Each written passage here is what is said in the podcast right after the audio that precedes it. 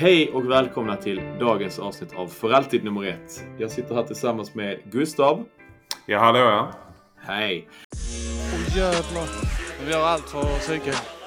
Tillbakablicken är en, en liten eh, djupdykning tillbaka i historien där vi kommer möta spelare, ledare eller supportrar eller någon annan, eh, någon annan eh, bekant till MFF på något sätt. Den som är först ut i tillbakablicken i vår podcast är den 1,77 cm långe inomhittfältaren som i Malmö FF gjorde 21 framträdanden och skrev på för klubben 2008. På de 21 matcherna så mäktades det med en assist. Speltiden var ganska skral och eh, han la skorna på hyllan den eh, 1 januari 2018. Spelaren vi pratar om kom från FC Utrecht 2008 som sagt och lämnade Malmö FF 2012 för att gå tillbaka till eh, Excelsior. Och spelaren som vi pratar om är såklart den 35-årige Rick Kraus från Nederländerna. Eh, och vi eh, ringde upp honom eh, i ett litet samtal, jag och Marcus, eh, för att se hur det var med honom och vad han gjorde nu. De har inte det vi har. Vi har allt. De har inte allt. Enkelt. till, eh, till Malmö stadion och eh, lyssnade jag varje dag på Din Gata 100,6. Sen var det en eh, folk som säger alla talar skånska. jag, har inte, jag har aldrig glömt eh, eh, Din Gata. Så vi kan försöka tala svenska och efter eh, när jag vet inte vad jag måste säga flyttar vi över till engelska. Det är okej. Ja, exakt. Vi kan mixa lite. Det går bra. Men eh, kul. Men då kör vi. Eh, kul att eh, prata med Rick Kreuz. Hur, eh, hur mår du nu för tiden? Alla känns bra. Ehm, jag har bra roll i Utrecht. Jag är assisterande coach eh, just nu. Och ehm, ja, jag måste säga eh, det känns bra. Kul. Du berättar, vi har precis börjat spela in här, så berätta lite grann att du fortfarande har lite kontakt med Malmö. Du får, får utveckla. Är det någon du pratar med då och då eller håller du koll på laget eller följer Nej, MFF? jag, har, jag har absolut kontakt. Uh, huvudtränare är Jolan Top, Jonda Thomasson just nu och han var min tränare i, eh, i Excelsior och jag har ehm, pratat med honom lite när jag eh, när jag, han flyttade över till Malmö och Jeffrey Aben, assisterande tränare nu, han är en stor kompis från mig. Och eh, ja, vi har mycket kontakt. Eh, vi har lite eh, samma spatt. Han var tränare i U19. Han kommer också till Utrecht och spelar en övningsmatch mot Utrecht under 19. Och vi hade mycket kontakt om fotboll och om andra saker och ja, det, det, det känns bra. Han är, han är en stor kompis för mig. Ja, vad kul. Kul att höra. Och är det någon annan i laget som du, Danne kanske? Känner du honom sedan tiden? Han är eh, sports eh, director nu och han var lagskapten eh, när jag var spelare i Malmö. Men vi, vi, vi snackar inte eh, just nu, vi har ingen, eh, ingen kontakt med men eh, när corona är över vill jag komma hit till Malmö och kolla en match och kolla lite träning. Det, det är absolut vad jag vill. Och eh, min kompis eh, från Holland, eh, absolut. Ja, det var det jag menade. Du, du, denna gången kan du ju komma med på läktarna ju. När corona är över så är det läktarna öppna och då kan du, eh, du och jag och Marcus och Gustav som inte är med idag kan, eh, kan, kan, vi, kan vi dricka en öl och, eh, och se MFF vinna. Men du, jag tänkte på det, på det Rick. När du, när du kom till Malmö så var du ju ganska så, vad ska vi säga, upp, upphypad. Alltså det, det, det kändes som att vi hade gjort en riktigt bra värvning. Man hade sett filmer på YouTube på ditt fantastiska skott och, eh, och, eh, och vi trodde ju verkligen att, att, att det skulle bli en supervärvning. Hur kände du när du, när du liksom lämnade Holland för, för Malmö? Vad var det som fick dig att flytta till Malmö FF? Jag kommer, äh, min agent har ringt mig att Malmö vill, vill snacka med mig och Eh, jag vill igen kolla eh, på Malmö, till Malmö och jag flyger till Malmö och jag har tränat, jag tror två gånger och det, det kändes absolut bra för mig. Jag har kollat också en match på Malmö uh, mot Kalmar och jag såg uh, fans på läktare. Jag såg nya Swedbank stadion. Det var absolut, absolut fantastiskt bra klubben men jag har lite problem med att uh, jag, jag hade semester och de var in the middle of the, in the middle of the season. Så det var lite svårt för mig och um, det var lite andra speluppfattning that I was uh, used to and well it, it, took a little time for me to to get used of the of the play style of the team and also the play style of Sweden and also a little bit the weather because it was very cold when we started in January and the first season was very long. Uh, I had little uh, injury problems, but uh, all about that. If they ask me to do it one more time again, I would do it immediately because I really liked it in Malmo. Malmo FF is a fantastic club. Malmo, Malmo FF has uh, fantastic supporters. I will never forget the first game in Svetbank Stadion. It was so hyped, and I will never forget the season where we took the SM Gulut after it was 2010 and 2004. I think the last time Malmo uh, won the cup, and it was such an amazing atmosphere, not just in the stadium but also uh, the whole um, the whole city was really hyped about Malmo and how what I ex- what my experience was in Malmo was that the people in Malmo really loved Malmo FF and also when we had a very bad period I can remember one game uh, which I played as well I think we played Oregrita away and there were the last in the number 16 in the table and we lost 1-0 and there were a lot of fans standing outside the parking place I was sitting in the dressing room and I, I thought they will smash our cars. They will smash our cars now. And they came into the Gamla Stadion and they were just supporting us. And that was a feeling that I thought wow this these people are really really really great. And and still i have always a good feeling. I was really close to get back to Malmo because when we were in the european qualify we played against Zrinski Mostar. I knew Malmo was playing uh, the other game, and I knew that if we both won, we would meet each other. So it was really painful to lose that match in Mostar, and I couldn't come back to Malmo. And yeah, this is a little bit my feeling. Där som jag min, min känsling för, för Malmö FF. Jag har lämnat 2010. Jag har glömt lite svenska men jag kan, jag, jag kan prata uh, still. Är kvar? I mean, it's, it's been 10 years. I think your Swedish is uh, awesome, to be honest, for uh, such a long time ago. Det är en, en, en tid som jag, som jag aldrig, aldrig ska glömma. Vad var din eh, highlight i eh, Malmö FF under de åren? Var det, är det någon speciell match som sticker ut som att där var jag riktigt bra eller något mål eller någon, någonting som bara wow, shit, det där minns jag? Nej, jag tror min första match var det var eh, mot eh, Halmstad borta och vi har det var som jag inte glömt 3-0 vinst och det var min första gång i startelva och har vi efter har vi AIK hemma som jag har spelat 0-0 men jag har spelat bra match och jag har aldrig glömt Trelleborg borta. Därför att eh, det var inte stor stadion men det var för mycket MFF fans där som, som, jag kollade, som jag kom i stadion och kollade på läktare och så. Men vad fan, vad är det? Mycket folk från Malmö här i. Och vi tar eh, tre poäng, eh, vinner eh, 0-2 och det var fantastiskt bra. Och eh, sista, eh, det var sista matchen mot eh, Mjällby 2010. Mycket folk eh, på läktare efter på planen. Det var eh, samma poäng som, som Helsingborg i, i året. Och vi, eh, vi tar det 2-0 och alla folk kommer på planen. Men det var fantastiskt bra eh, fest och mycket folk på plan, mycket folk ute. Det var, jag ska glömma aldrig. Jag, jag minns det. Jag var en av dem som klättrade över och sprang in. Ja. ja. Var... ja stort ögonblick. Riktigt kul.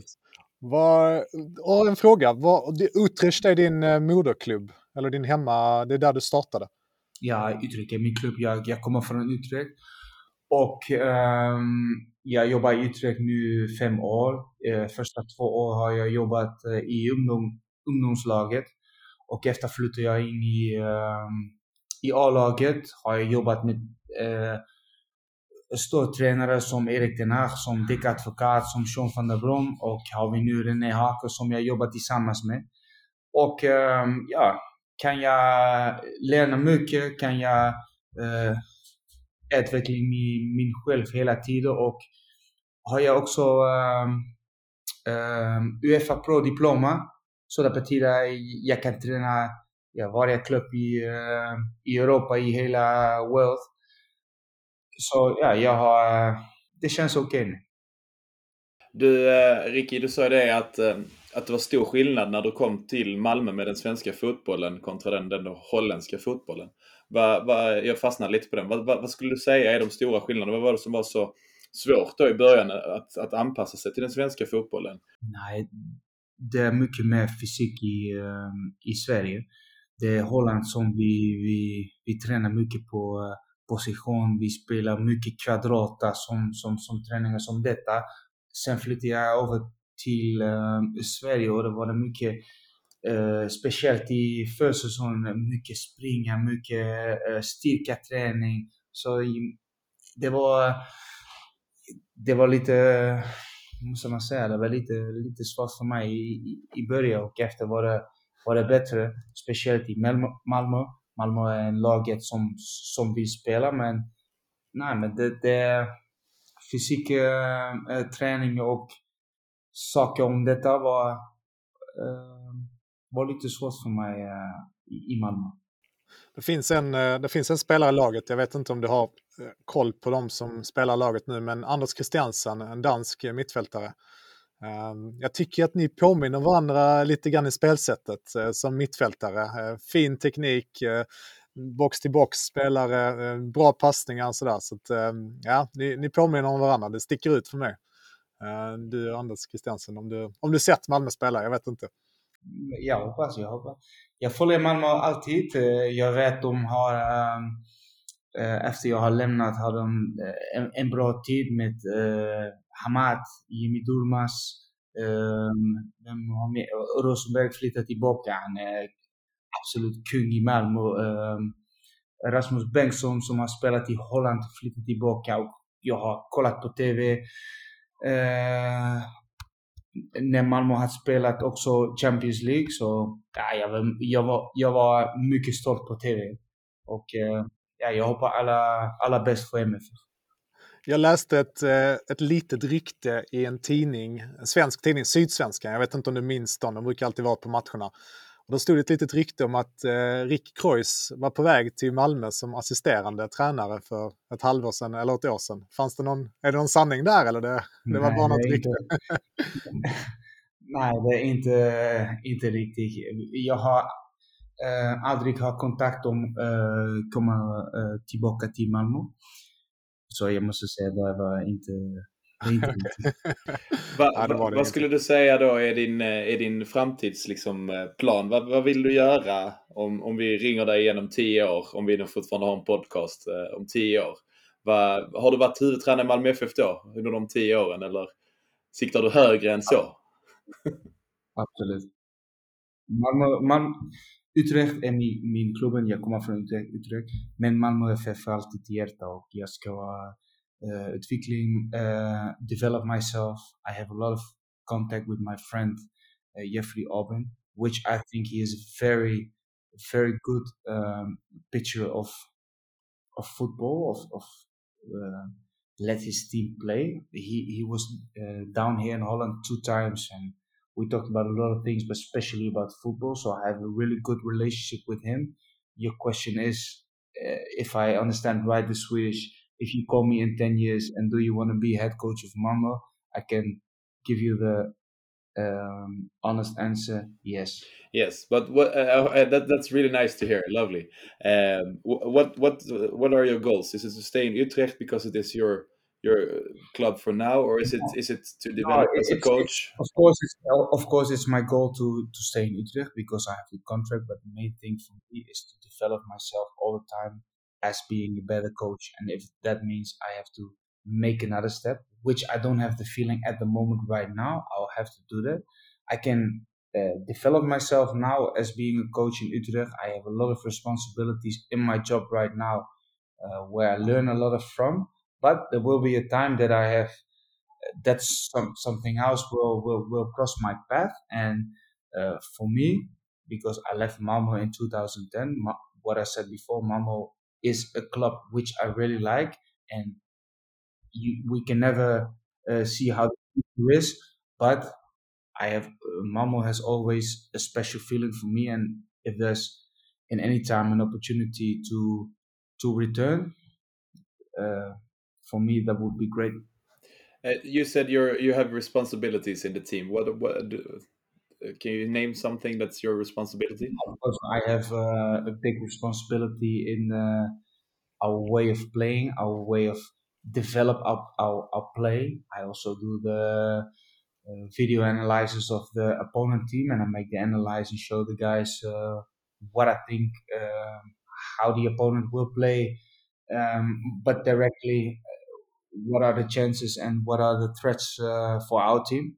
We have a lot of young players, which I help a lot to develop themselves uh, to get into the first half. And yeah, also in every part of training, I have my own role and um, the head coach.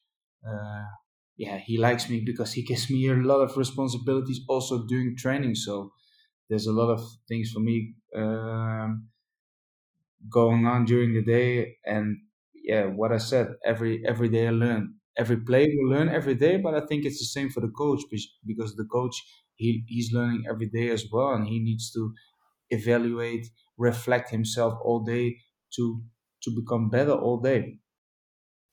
I had a, I was thinking about um, when you left uh, Malmö. You played a couple of years in um, in Holland. Yes. Uh, you continued to play until what was it, 2017? 16. 16. Okay. Yes. Yeah, and that was in the top division, right? Yes. Ah, okay, cool. How was it going back to leaving Malmö and going back to Holland, playing there again? No, I had to to to, to get fit again because when I when I left Malmö, I had a big injury so it cost me like yeah, one and a half year to to get my my old form back and to to perform the way I was used to play when I was 30 years old. Um, I combined my uh, active career also with um, um, with being a coach in an amateur team. It was also funny because when I played in Malmo, I was also active in the youth academy because ah, sometimes I, I, I just ask, is it possible that I, I, I come down to watch the academy and, and, and see the, the way they work and see all the talented players? And yeah, I was there sometimes and it was very nice to see. But that uh, I played, and then when I was 30, I decided to to just quit.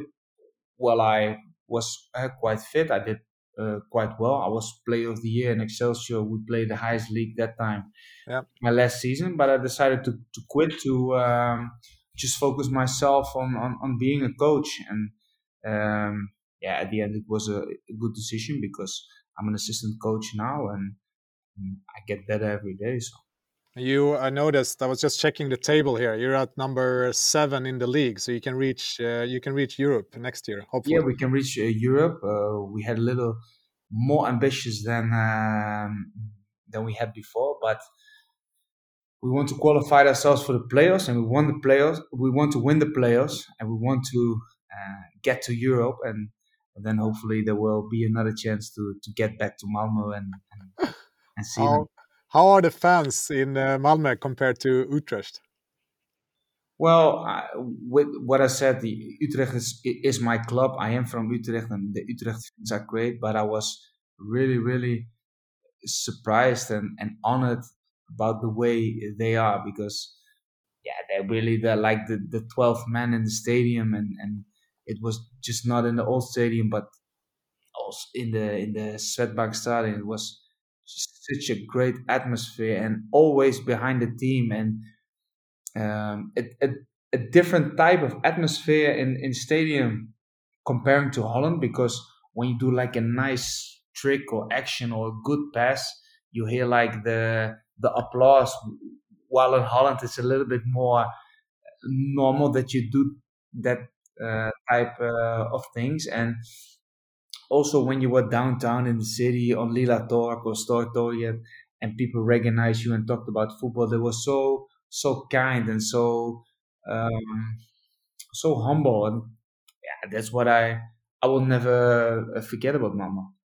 Yes. Oh, he, he, he's gonna ask me now. You forget the what's it called? What's it called? The, place where all the fans uh, are with all the bars and restaurants. I, oh, Möll- Möllan. Möllan, yes. Yeah, yeah, yeah. You've been there. You wanted to ask me, yeah? How did you think about that? That was also great. And a little, and a little cheap also. Uh, cheap also. uh, but I, I wanted to ask you uh, my final question, uh, Rick. When you when you came um, your first year, um, the training uh, training match against Beko Hecken was uh, at my old um, ground in Bjärred and you met my father. Do you re- remember that uh, that yes, part when you met yeah. when you met a guy who was working for the club, uh, organizing the game, and he starts talking yeah. Dutch to you? Now the, the, the feeling was great because this is what this was my I have lived all my life in Utrecht. I went abroad, and then all of a sudden, Labinot, Habutsi, and may he rest in peace because I also uh, read the news. He was the first one who was talking uh, Dutch to me. But then all of a sudden, we won a game and a guy and and, and a man uh, started to speak uh, Dutch to me while I was thinking, what the, what is this? And he was very kind to me and talked my own language, and I was so glad. And I came home and said, "Oh, this is a long time since I, have been somewhere and somebody talked my own language w- with me." So I have to say, I was really pleased with it. Did uh, Labinot and you uh, talk uh, Dutch to each other, or was it English? No, no Dutch. He's, he he uh, he spoke completely uh, uh, Dutch. Ah, yeah, okay. Very, yeah, very. I uh, uh, Jeffrey Albin. He called me when it happened, and yeah, that's uh, that's a very very sad story because he was a really really good player. Yeah, yeah, and a good guy. Yes. Absolutely. Luckily, luckily for all of us, he will always be remembered as the first goal scorer of the new stadium. Yes. So, yes, so yes. as you say, may, may Labinot uh, rest in peace. And uh, no, his his name will always always be uh, remembered in uh, in Malmo and especially in Swedbank Stadium. You were there for the premiere, right? You yes. were in the team 2009. Yeah. Yes, I came in that game. We we won uh, three 0 I think it was Trelleborg, right? Wasn't it Örgryte? Or maybe yes, it was Örgryte Yeah, actually. Yeah, yeah, yeah. And uh, he, he scored a fantastic uh, goal, a shot from uh, outside the box, and he came in like 60 minutes. And yeah, it was a it was a pleasure to to play in in, in that atmosphere. It was fantastic. Yeah, so many people in the stands. I think I was actually there, and it was full, like twenty four thousand on the premiere. It was a great day. Uh, but uh, Ricky, time is flying. It was uh, really nice talking to you, and uh, we miss you. We're doing this segment in the pod with uh, old players that we remember and that were kind of like our favorites. And uh, you popped up, and it was uh, really good talking to you. Ja, ja Aldrik, uh, glöm när Malmö. Malmö är, alltid, uh, alltid i uh, hjärta och um, ja, jag hoppas i framtiden att det kommer en tid som jag kommer tillbaka. Yeah, it would be fun. And also, if we're ever in Utrecht, we're going to send you a message and then we grab a beer. Tack så mycket. Ha det gott grabbar! Vi har också vunnit SM-guld precis som Bosse Larsson och Christer och alla de här. Nej, det där var ju en väldigt uh, trevlig, trevlig intervju och trevlig stund med gamla Ricky Kreuz som, uh, som jag som inte har något holländskt påbrå uttalar hans namn. Jag ska låta lyssnarna skapa liksom sin egen bild och sin egen uppfattning så vi ska kanske inte sitta här och gå igenom det i, i detalj. Jag måste bara säga att den här detaljen jag fastnar för är ju när han drar till med alla talar skånska. Jag tycker den är helt fantastisk och jag blir så glad av att höra att så här, eh, vad är det, nio år sedan han lämnade nu, lite drygt, och, och han sitter fortfarande och, och minns de här delarna och de här segmenten och, och, och så. Det tycker jag, det värmer ju liksom ens Malmö att han, att han sitter kvar på de här fina minnena från tiden här. Ja, och jag tycker det är intre- alltså, oerhört fascinerande hur, hur bra svenska han pratade för att, vara, för att vara så många år sedan och kanske inte underhållande så mycket. Och hans, hans relation med Jeffrey Aubin som, som ju vi fick höra där också. Nej, jättekul. Så vi, vi tackar Rick Kreuz för, för den pratstunden. Ingen skum på jag sett den, så att jag är lite besviken sådär, men fy fan vilken pers. Men vi börjar väl med att dyka rakt ner i, i BK Häcken, våra kommande motståndare. Såg du deras match mot, eh, mot Halmstad? Ja, jag kan satt här och fundera innan på hur mycket jag såg av den egentligen. För att eh, jag sitter och försöker minnas tillbaka. Jag minns inte särskilt mycket, ska jag vara helt ärlig. För att eh, det var en ruskigt tråkig match. Jag vet inte om det berodde på eh, det fantastiskt fina gräset på, på Örjansvall som kanske var lite blött och tungt. Men eh, lik likförbannat ett fin, en fin gräsmatta. Men eh, det var en ganska seg, eh, seg match där jag tycker att Häcken har väl inte jättemycket som, som ser så himla positivt ut. Det, det mest positiva är Leo Bengtsson som fick gå av efter 45 minuter på grund av någon känning eller någon skada eller något i den stilen. Eh, men utöver det tyckte jag de gör en ganska tam insats. Det kanske beror på att det är första matchen för säsongen eller något annat. Men, men, men eh, den är väl kanske något de kommer glömma så fort som möjligt egentligen. Ja, men lite som du är inne på där så, så är det ju ändå så att Häcken tror jag är ganska besvikna. Det kommer vi få höra sen när vi pratar med, med Jimmy också som, vi, som jag har intervjuat. Eh, en Häcken-supporter. Eh, att, att lite besvikna där och gå därifrån eh, mållösa för det var en riktigt tråkig historia som de hade mot, mot Halmstad. Och då har ju ändå Häcken gått till cupfinal så att jag tror att, att förväntningarna både på inom de egna leden och från oss utifrån var, var högre ställda på Häcken i, i första omgången. Så jag tror ju tyvärr för vår del att vi möter dem i ett ganska jobbigt läge. Hemmapremiär, plast, plastgräs och, eh, och revanschsugna. Så att jag hoppas innerligt att, att Malmö FF kan, kan eh, ladda om, eller ladda, ladda om låter fel när vi vann, men alltså du förstår vad jag menar. Eh, fortsätta vara, vara, vara påkopplade och fortsätta på den inslagna vägen så, eh, så, så kan, kan vi kanske ge dem en bra match. Nej men precis som du säger, i och med att de gör en så beige insats eh, och i slutändan tappar de ju faktiskt krysset också. För att det kanske man, det kanske de var favoriter till att ta på förhand minst sagt, men även under matchen då. Men i och med att de tappar det så har de ju ganska mycket mer press på sig. Och jag, det, det här, det här vet jag ju inte men, men på något sätt tror jag att det blir ju en mentalitet där att de vill ju gå ut och motbevisa att så här, Halmstad-matchen var en det var en missräkning men eh, man ska inte räkna bort oss från, från guldet oavsett för att de vill vara med där och, och, och kriga. Så att nu är det ju deras upp till bevismatch kommer ju tidigt att de ska gå ut nu på söndag och bjuda på det här Häckenspelet som de kanske kan eller som de vill kunna eller som folk tror att de kan. Liksom. Så att det kommer ju nog eh, försöka köra rätt mycket offensivt vilket i sin tur kanske, kanske leder till att det blir ganska mycket ytor för, för våra offensiva spelare. Men eh, det kommer nog eh, eventuellt bli en böljande historia det här tror jag. Ja men och det, det är ju roligt när det är så tidigt på försäsongen som supporter. Framförallt när man har blivit en sån sjuk soft-supporter nu. Eh, annars hade vi bara suttit och längtat till, till de här pubarna vid Hisingen där på andra sidan gatan och eh, en bortamatch en söndag eftermiddag. Liksom. Det hade varit, hade varit helt underbart. Men det har vi ju ältat så många gånger att vi gärna, gärna vill det. Men jag tänker utifrån ett soft-supporter-perspektiv som det har blivit nu liksom, så är det ju eh, är det skönt, eller vad skulle jag säga, när det är början på säsongen så, så vet man fortfarande inte riktigt varken in eller ut som du är inne på. Att vi, ja, vi sitter och gissar e-, egentligen bara Eh, att de kommer vara ett, ett, lag för guldet och att vi förhoppningsvis kan fortsätta vinna. Men, men just det att, att, att premiären liksom spelas där på, på Örjansvalls tunga gräsmatta, dåligt väder. Mikael Boman kommer in i 75 minuten och avgör liksom så 12 minuter senare med en fantastisk volleyträff som sänker Häcken Någon, någonting, någonting i mig eh, tycker ju det där är oerhört fint ändå. Eh, jag vet Jimmy nämnde som tips extra fotboll. Det var lite den, den känslan. Liksom.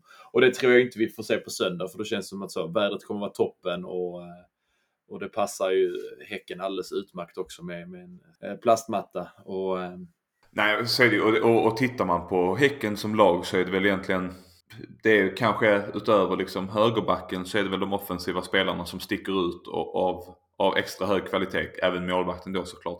Men eh, ja, Leo Bengtsson, om han nu är frisk vet jag ju inte. Men utöver det så har de ju Jeremejeff som vi alla vet är en, ja vad ska man säga, bra allsvensk anfallare liksom.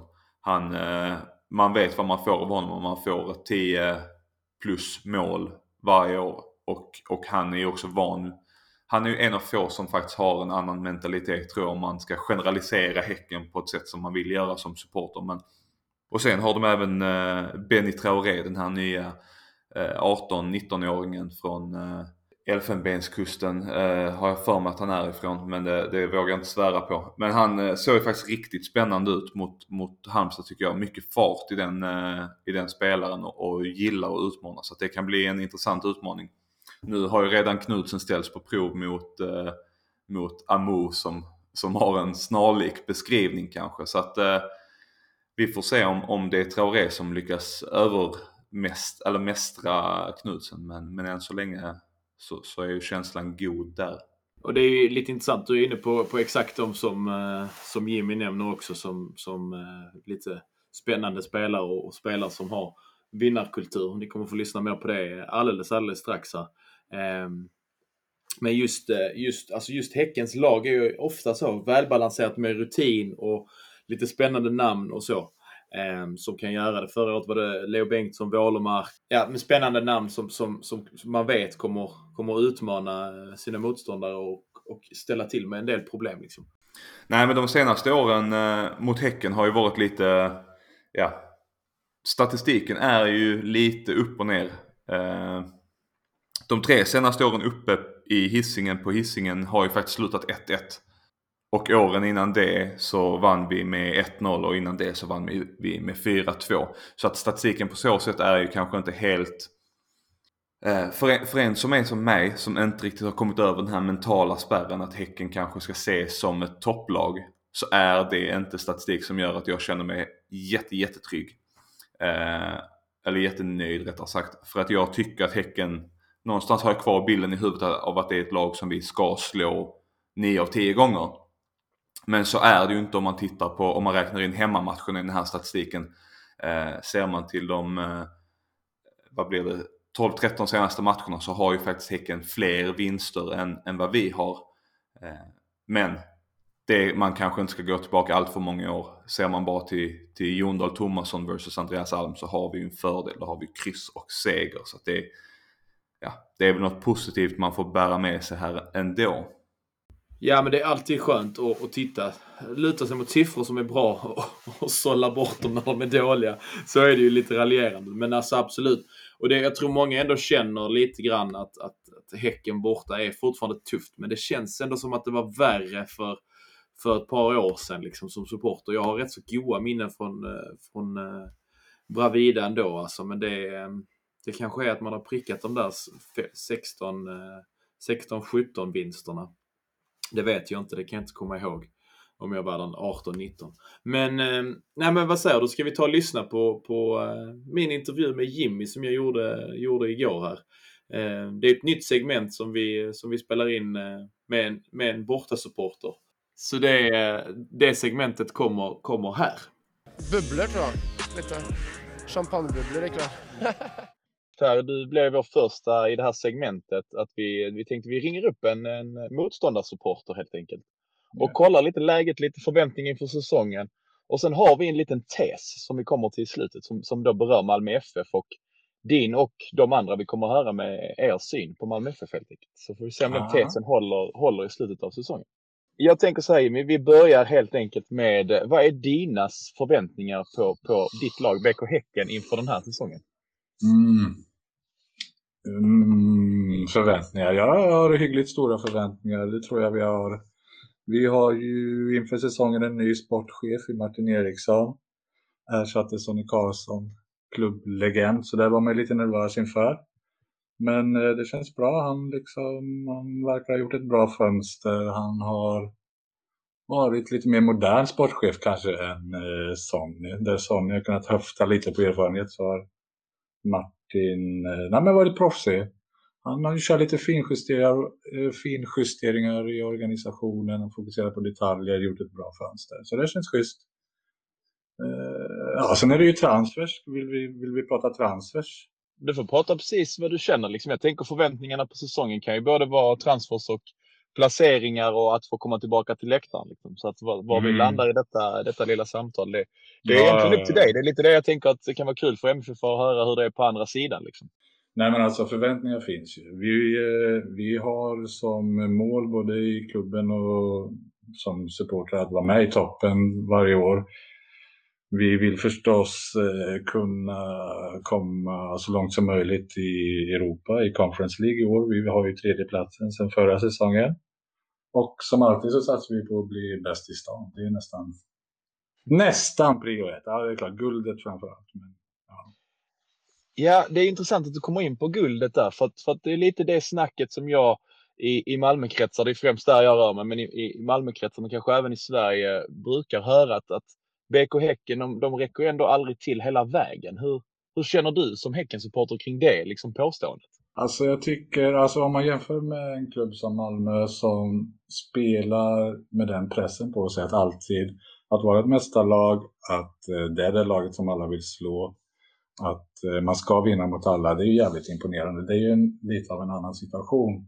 Men jag skulle inte säga att just det här som media kanske pratar om och kanske andra supportrar om att, eh, att det är den här vinnarkulturen som saknas i Häcken. Alltså det känns lite billigt. Säg liksom, vi, är, vad ligger, vi ligger femma, sexa i ekonomiska tabellen kanske.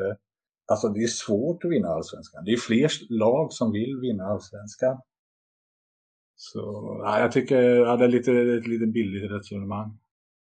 Ja, nej, men jag, jag kan hålla med dig där att det kan vara lite billigt, men det är ändå någonstans så som du, som du är inne på att ni, ni, ni ligger i femma, sexa kanske ekonomi, ekonomiska tabeller, men där finns ju andra uppstickarlag som har legat där och, Verkligen. och vunnit eh, om man ser till de senaste åren. Så, att, så att egentligen att ni vinner kuppen tycker vi i Malmö är oerhört imponerande, för det gör ju vi, gör ju vi aldrig. Men, men, eh, men däremot så, så, så tänker jag ju ibland alltid, eller ibland, jag tänker ibland att Häcken Häcken måste ju få träff någon gång, för det är ofta väldigt skickliga, Mm. skickliga lag eh, Häcken ställer på banan liksom, med, med my- mycket rutin och kvalitet. Så är, Men, det, eh, så är det ju. Men eh, ja, nej, man får träffa rätt någon gång. Sen ska vi ju säga också storlag som skryter om alla sina SM-guld. Fan, det är mycket 50-tals, 40-tals, 60-tals meriter alltså. Alltså ni är ju lite undantagna. Ni har gjort mycket på senare år. Men Ja, ärligt ja talat. så är det ju. Och det, är- och det som du säger, det är ju det, är det som kanske både på gott och ont definierar oss i Malmö FF. Ju, att vi, vi vill ju alltid vinna, och, men vi gör det ju väldigt ofta också. Så att det känns ju som att vi har fog för det. Men, eh, men som ett lag som, men som Göteborg till exempel kan vi enas om är ju, är ju lite, lite sämre på den varan på sist, sistone. Liksom. Jag förstår att ni vill bli bäst i stan för att knäppa dem på näsan. Ja, men så är det. Det Ehm. blir väl femte säsongen i rad i alla fall. Så det, ja, det tror vi på. Och så någon gång träffar ni rätt, så då kan ni stoltsera Absolut, ännu mer med, absolut. med guldet när de, när de kanske åker ur. Det kanske kan vara någon Absolut. sån eh, grej. Alltså klubben hade ju som målsättning att vi skulle vinna SM-guld inom fem år. Och jag tror att det var ett år kvar på den tidsfristen inför den här säsongen. Mm. Men nu har vi då ändrat målsättningen att säga just kanske lite mer balanserat att vi ska alltid vara med i toppen om Europaplats. Och så kommer det där guldet då om man förväntas och, ja, för, om man förväntas vara med i toppen år efter år så får det, så får det hända liksom. Nej, men lite, lite så är det ju. Hur, eh, hur är läget i, eh, i, eh, i föreningen eh, ur ett supporterperspektiv nu då? Hur, hur, eh, hur ser det ut helt enkelt i Häckenleden? Ja, alltså det är ju precis, alltså säsongen har ju börjat nu. Det är ju svinkul för oss alla. Ni är ju en supporterpodd. Det, det är ju jätteroligt. Vi eh, tycker att vi har gjort ett bra fönster som sagt. Det är mycket eh, ungt som har kommit in som ser spännande ut. Bland annat Traoré ju som många har sett under försäsong och i premiären. Så det är mycket, eh, det är Heinz eh, hyggligt ung, norrmannen värvad som tia. Vi har Fredriksson som ytterback som väl egentligen är tänkt att bara ligga som ersättare, men han fick ju starta nu när Martin Olsson är skadeborta. Annars är det ju där, det är ju Jeremejeff och Martin Olsson som är de mer erfarna eh, gubbarna vi har tagit in. Så på så vis i laget så känns det hoppfullt. Sen eh, ja, så gick vi på den här jävla pumpen, den här skitmatchen mot, eh, mot Halmstad i första, men det, det var vad det är. Vi var för dåliga där helt enkelt. Men, men vad gäller klubben så coronaåret det ordnade upp sig trots att vi inte fick spela Gotia.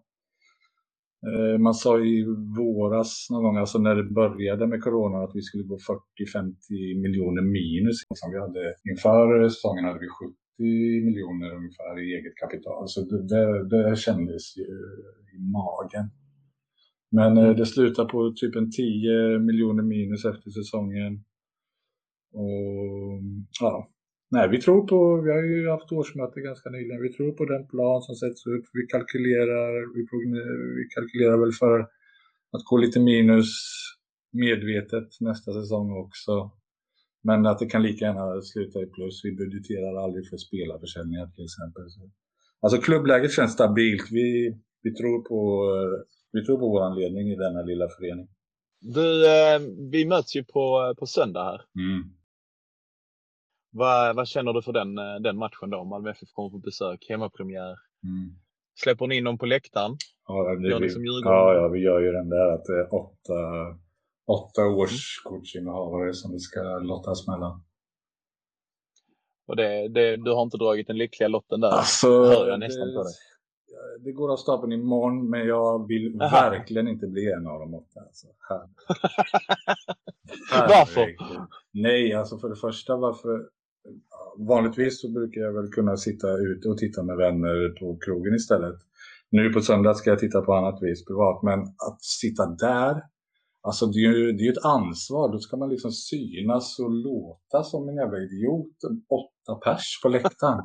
nej, nej, nej, det är inte, det är inte intressant.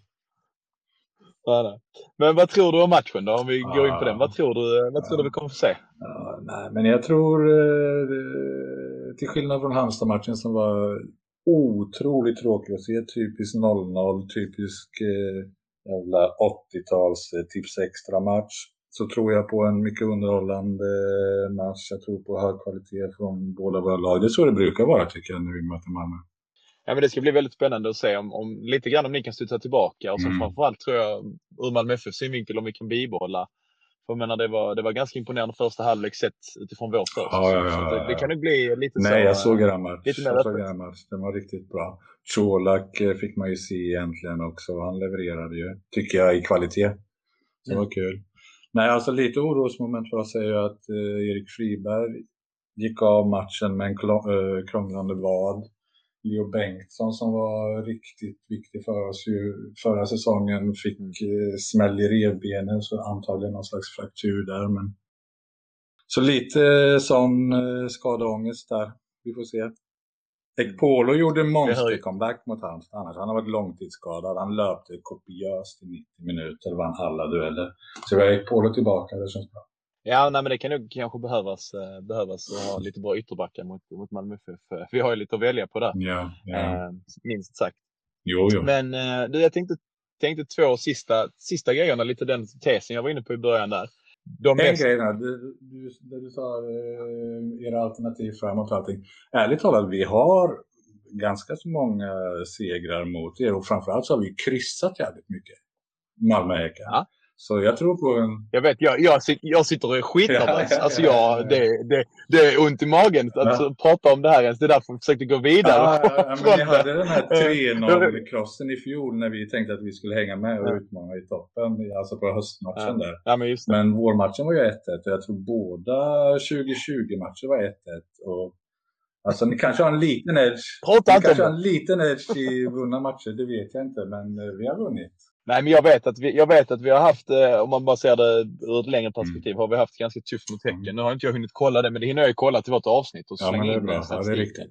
Nej, men eh, jag tänkte här Jimmy, innan vi avrundar så har vi en liten, en liten tes i, i vår podd som vi inte har, har lyft än. Men, eh, men jag skulle fråga dig, liksom, vilken eller vilka spelare i Malmö FFs trupp eh, skulle du säga är de mest överskattade spelarna? Alltså som kanske inte borde vara i Malmö FF utifrån det du så fint beskrev Mm. innan. Med vinnarkultur och SM-gulds liksom, jagande lag varje år. Mm. Har vi några sådana? Överskattade. Eh, alltså, som sagt, ni, har ju, ni, har, ni är ju mästare nu. Ni är, ni är de ni är under 2000-talet. Det är svårt att säga om någon är överskattad. Beijmo. Alltså Beijmo, var det inte lite hype när han skulle komma? Kom från Tyskland Jo, någonstans. Han, eh, kanske inte för att han kom från Tyskland tror jag, utan mer att han var väldigt, väldigt bra i Djurgården ju den Ja, säsongen när han blev såld.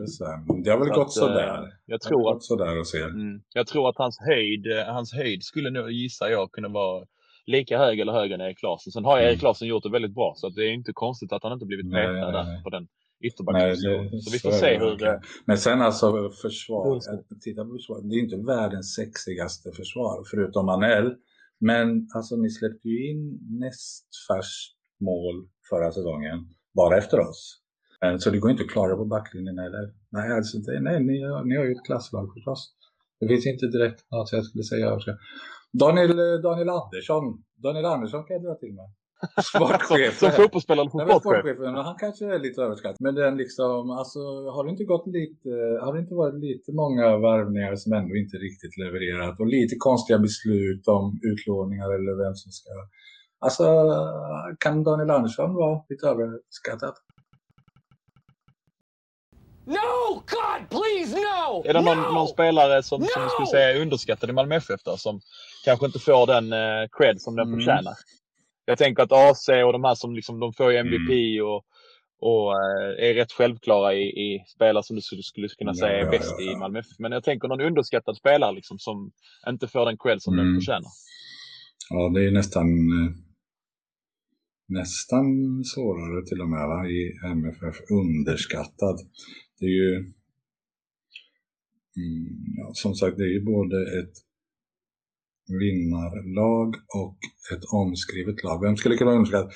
Jag eh, scrollar, jag drar till med nu vet jag inte hur, året har, hur, hur, hur, hur ni har snackat genom åren, men varför inte Oskar Lewicki? Häckenbekanting. Intressant. Han kom ju, han, absolut. han, han, var han fostrad i Malmö eller? Ja, han är från, från Ja, Malmö ja. från början. Just, Och så drog han och så kom han till oss och gjorde några riktigt fina säsonger. Alltså han är väl en sån som man älskar som liksom, eh, alltså jag har ju sett, nu var ju det här några säsonger sedan han var i Häcken, men jag har ju sett honom när han spelar för er. Det är ju en sån, ni använder honom som back, ni använder honom som mittfältare. Han är så jävla lojal, gör jobbet och han gör det bra liksom. Det är intressant. Bra, då har Oskar Lewicki ett streck från, Ja, från, från er. Nej, jag tänkte eh, på underskatta där, alltså Rex. Alltså nu, det, du säger ju att du har ditt format. Men eh, Rex alltså, och då tänker jag lite med mina fantasy-ögon, jag gillar ju att spela fantasy. Var inte han, var inte han, alltså han gjorde bra insatser men sen så var det en jävla rotation. Han fick typ inte starta nästa match efter att ha varit riktigt... Jag minns jag kanske Ja, missade. nej men precis, det är väl det jag menar. Nej men det, vi, vi har ju jättemycket bra yttrar ju. Berget Ja, ja, och ja, Rex och nu även Nanasi underifrån och sen har vi värvat Birmancevic för 10 miljoner. Så att, eh, Ja, nej, men Ja, om, om precis. inte annat Så så att- var det, jag tror att om Sören annat så var det svinkul att uh, Rex övergång reta fastlandslaget här så jävla mycket. gött Jimmy, stort tack! Tack, kul. Ja, men, Vi hörs av. Bra. Ja. Hälsa Marcus så, där också. Ja, ska jag göra absolut. Han håller på att terrorisera. Snackar om att Daniel Larsson och Erik Friberg skulle vara mer MFF Ja, ja. än eh, BK. Vi, vi har det bra där nere vid, vid, vid guldbordet. Ja, men vi tackar ju såklart eh, Jimmy för hans, hans medverkan och eh, hans svar som, som, ja, vi var inne på en hel del, en del av det rent spelmässigt kring Häcken. Eh, jag vill ju dock göra ett par nedslag i intervjun ändå som jag tycker är absolut intressanta att diskutera vidare. Och det är väl, eh, ja, de två sista punkterna blir ju alltid intressant att ta upp liksom de här, vilka spelare i MFF som supportrar från andra lag ser som ja, men lite lätt överskattade respektive underskattade då. Eh, och vi börjar väl kanske på, på det, den negativa punkten, eller vad säger du? Jo, men jag, jag tycker det är vettigt och sen så ska vi väl också säga så att vi ska inte sitta och försvara det som sägs i de här intervjuerna. Utan det är lite det som är vår tanke att, som jag sa i, i, i inslaget här också, att, att vi samlar lite statistik och ser liksom vilka spelare i slutet av säsongen som vi, när vi har gjort ett par, par eh, intervjuer med bortasupportrarna kan se, eh, kan se vilka spelare som faktiskt nämns flest gånger. Ehm, men vi kan ju ändå liksom bara nu första gången förklara lite varför vi, varför vi tog upp den punkten. Men eh, vad känner du? Vad vill du börja med? Vad sa du? Överskattad? Nej men jag tycker det är intressant eh, där när han pratar om, om, om eh, Bejmo. Eh, och det är ju inte någonting jag har tänkt på särskilt mycket tidigare men jag kan ju ändå se varifrån han kommer med den infallsvinkeln på, på just Bejmo. Att det är en spelare som var otroligt bra i Djurgården för eh, jag vet inte hur många år sedan det blir nu men en, en tre år sedan i alla fall, tre, fyra år sedan något sånt. Eh, och sen som hade kanske en tung period i Tyskland och sen som inte riktigt hunnit bevisa någonting i Malmö. Sen om det beror på liksom kvalitet eller bara att Erik Larsson har lyckats komma in i något sånt här Anton Tinnerholm liknande stim där han bara presterar, presterar, presterar. Det är ju svårt att avgöra men jag tycker absolut att det är en intressant, intressant vinkel eh, och, och, och bära med sig att där har vi en spelare som vi kanske har höga förväntningar på men som supportrar utifrån kanske har en lite mer nykter syn på att så här, hur, hur, hur hög är kvaliteten egentligen nu efter de här åren. Och det, det, är lite det jag kanske också vill då flika över till på de underskattade spelarna. Det, det kommer vara oerhört intressant att se vilka spelare som andra eh, supportrar till andra lag kan känna liksom är, är skickliga spelare som, som hör hemma i MFF som vi kanske inte ger den cred som de förtjänar eller, eller eh, inte till, uppskattar tillräckligt mycket. Och där, där, där känner man ju direkt att Oskar Lewicki är ju en sån som Även om alla älskar honom, alla, alla alltså, så, så, så, han får ju inte alls samma som ja, men Mackan Berang. Eh, sen kanske han inte är uppe riktigt på den hyllan, men det är någonstans ändå inte en spelare som, som syns på samma sätt heller i media eller vill ta den platsen. Och då glöms han kanske lite, lite grann bort i, eh, i, i det stora hela. Och sen så som jag också nämnde där att Sören Rex kommer ju vara, eh, kommer ju vara alltså när vi tittar tillbaka, en, en spelare som, som eh, kommer vara en riktigt, riktigt bra värvning med tanke på att han kom som fri transfer från, från IFK Göteborg. Så vi gjorde dem svagare samtidigt som vi gjorde oss starkare och vi gjorde det gratis. Så att det är alltså Därför blir det också lite paradoxalt att han nämner Daniel Andersson som, som, som en eh, underskattad, eller överskattad sportchef. Men jag tycker det är intressant just med, med Lewicki också. Eh, för att det var vi ju inne på inför säsongen eller om det var kring, kring julas där. Att hur många, många stjärnspelare och, och vad ska man säga, intressanta spelare man ändå har i, i MFF-truppen. Så konstaterar vi ju det att det kanske är en av de spelarna som allra viktigast för, för startelvans balans och så vidare och en av dem man kanske skriver ner allra först.